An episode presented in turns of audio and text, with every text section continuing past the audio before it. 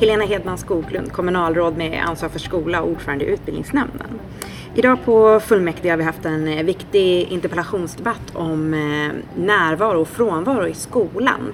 Eh, så kallade hemmasitter och problematisk skolfrånvaro som jag fick en fråga om. Och vad är det vi vill göra var frågan för att eleverna ska komma tillbaka till skolan.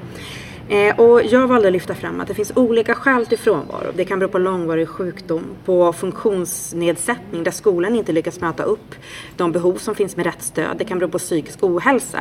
Och det går inte att hitta en patentlösning som ordnar all frånvaro utan det behövs arbete på flera fronter samtidigt. Eh, och då behöver vi eh, se till att stärka stödet till elever i behov av särskilt stöd med funktionsnedsättning.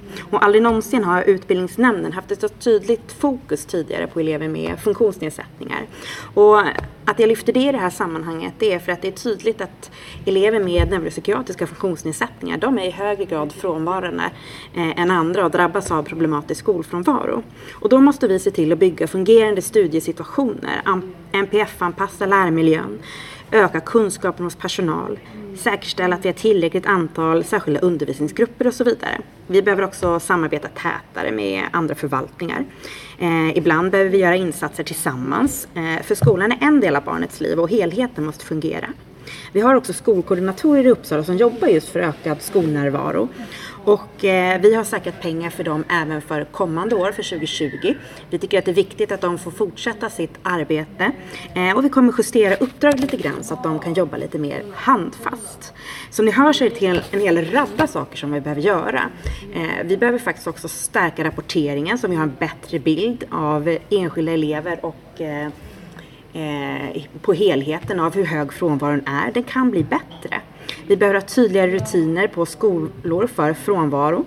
Eh, och sådana är framtagna och ska nu implementeras så att det är enhetlighet på alla skolor. Vi har tagit fram kartläggningsmaterial och handlingsplan för långsam skolåtergång som vi ska använda. Vi måste stärka upp i stadieövergångar vid skolbyten för det är en känslig punkt. Och inte minst så måste vi säkerställa hur vi jobbar i ett jämställdhetsperspektiv. För flickors frånvaro hanteras på ett annat sätt än pojkars.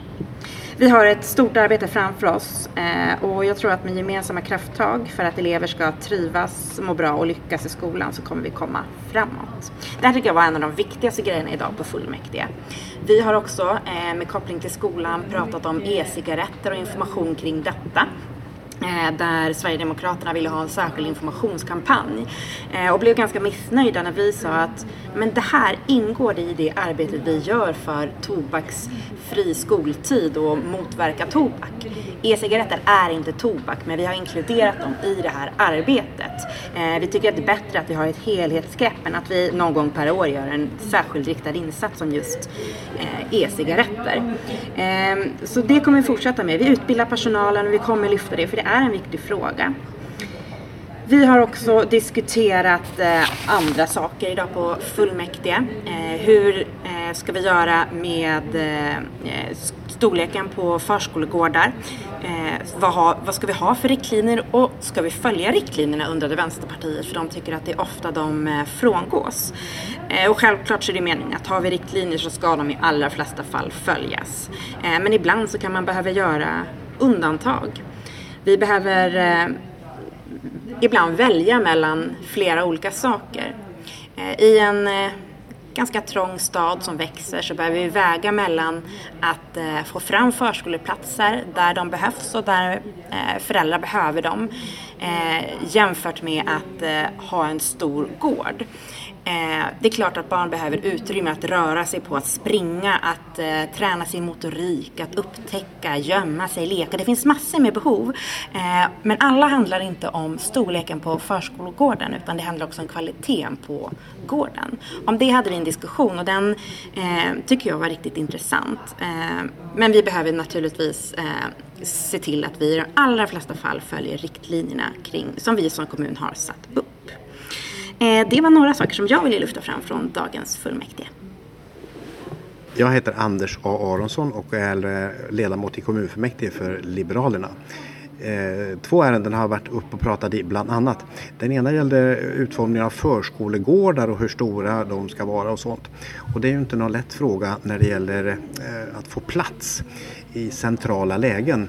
Och då är det viktigt att inte bara fundera över storlek utan också om själva utformningen. Hur eh, förskole och skolgårdarna faktiskt är, är så att säga inredda.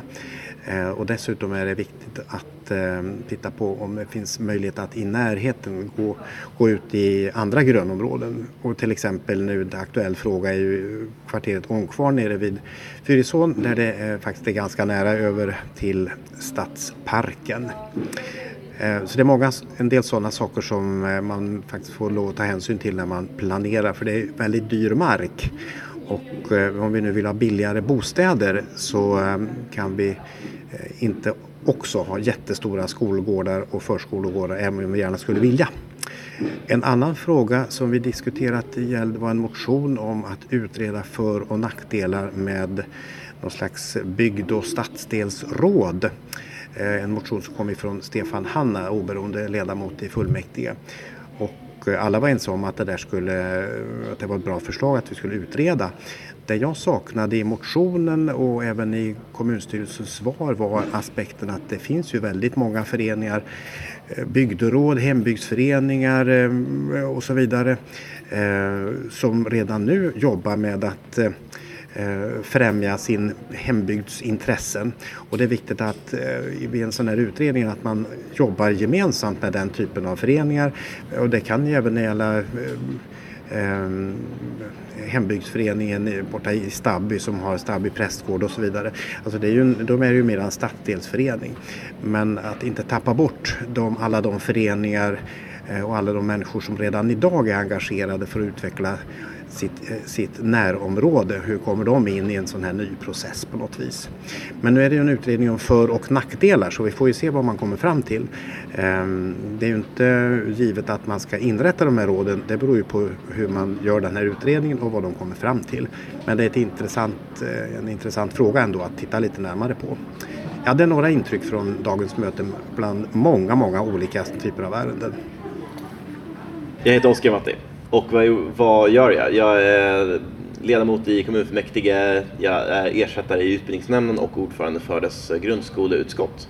Det som hände idag, jag, jag har varit uppe i eh, tre ärenden. Det första av dem var om kommunens arbete mot psykisk ohälsa. Då tog jag upp där vikten av att synkronisera det arbetet med eh, det som sker i regionen. Där har man ju arbetat för att ta fram, eh, man, man har gjort en utredning om hur vårdkedjan fungerar och vad, vad det finns för brister och så. Först har man då tittat på barn och ungas psykiska hälsa och nu tittar man då på även vuxnas eh, psykiska hälsa. Och man har kommit fram till att det största problemet är brist på samordning mellan de instanser som ska hjälpa folk. Det här, här ingår ju då kommunala verksamheter också. Eh, det påverkar ju till exempel med hur elevhälsan sköts och familjecentraler och liknande. Så att den ansvarsfördelningen är tydlig och att folk ska veta var de ska vända sig är jätteviktigt för att det här arbetet ska fungera och man ska sätta in rätt hjälp till där folk behöver den. Och det var det som, som jag tog upp i den debatten. Sen så var det förstås mycket annat som sades i den med. Sen så var det frågan om eh, förbud mot att kommunen inte ska få servera religiös specialkost i några verksamheter. Sverigedemokraterna som stod bakom förstås.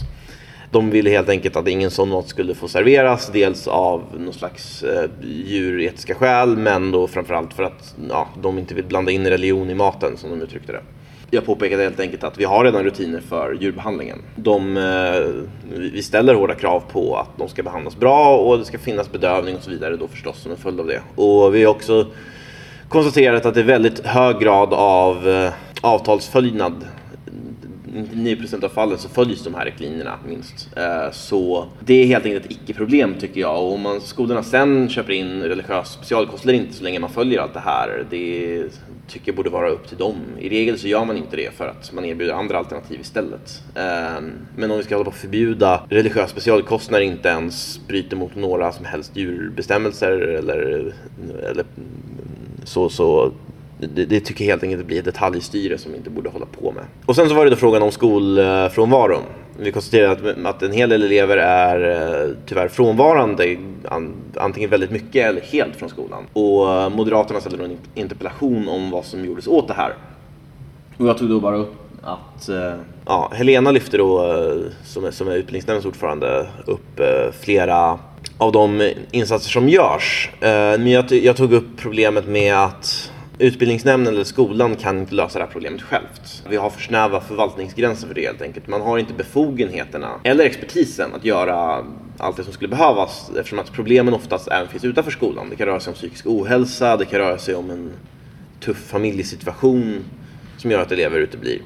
Så vi behöver därför en större samverkan helt enkelt mellan de här olika nämnderna och förvaltningarna. Och därför är jag väldigt glad att det finns ett sådant projekt på gång också och att det kommer en slutrapport i slutet av året. Som ska säga hur det här samarbetet då kan stärkas så att det finns rutiner och så att man kan sätta in åtgärder från flera håll för att det behövs för att få tillbaka alla de här eleverna till skolan.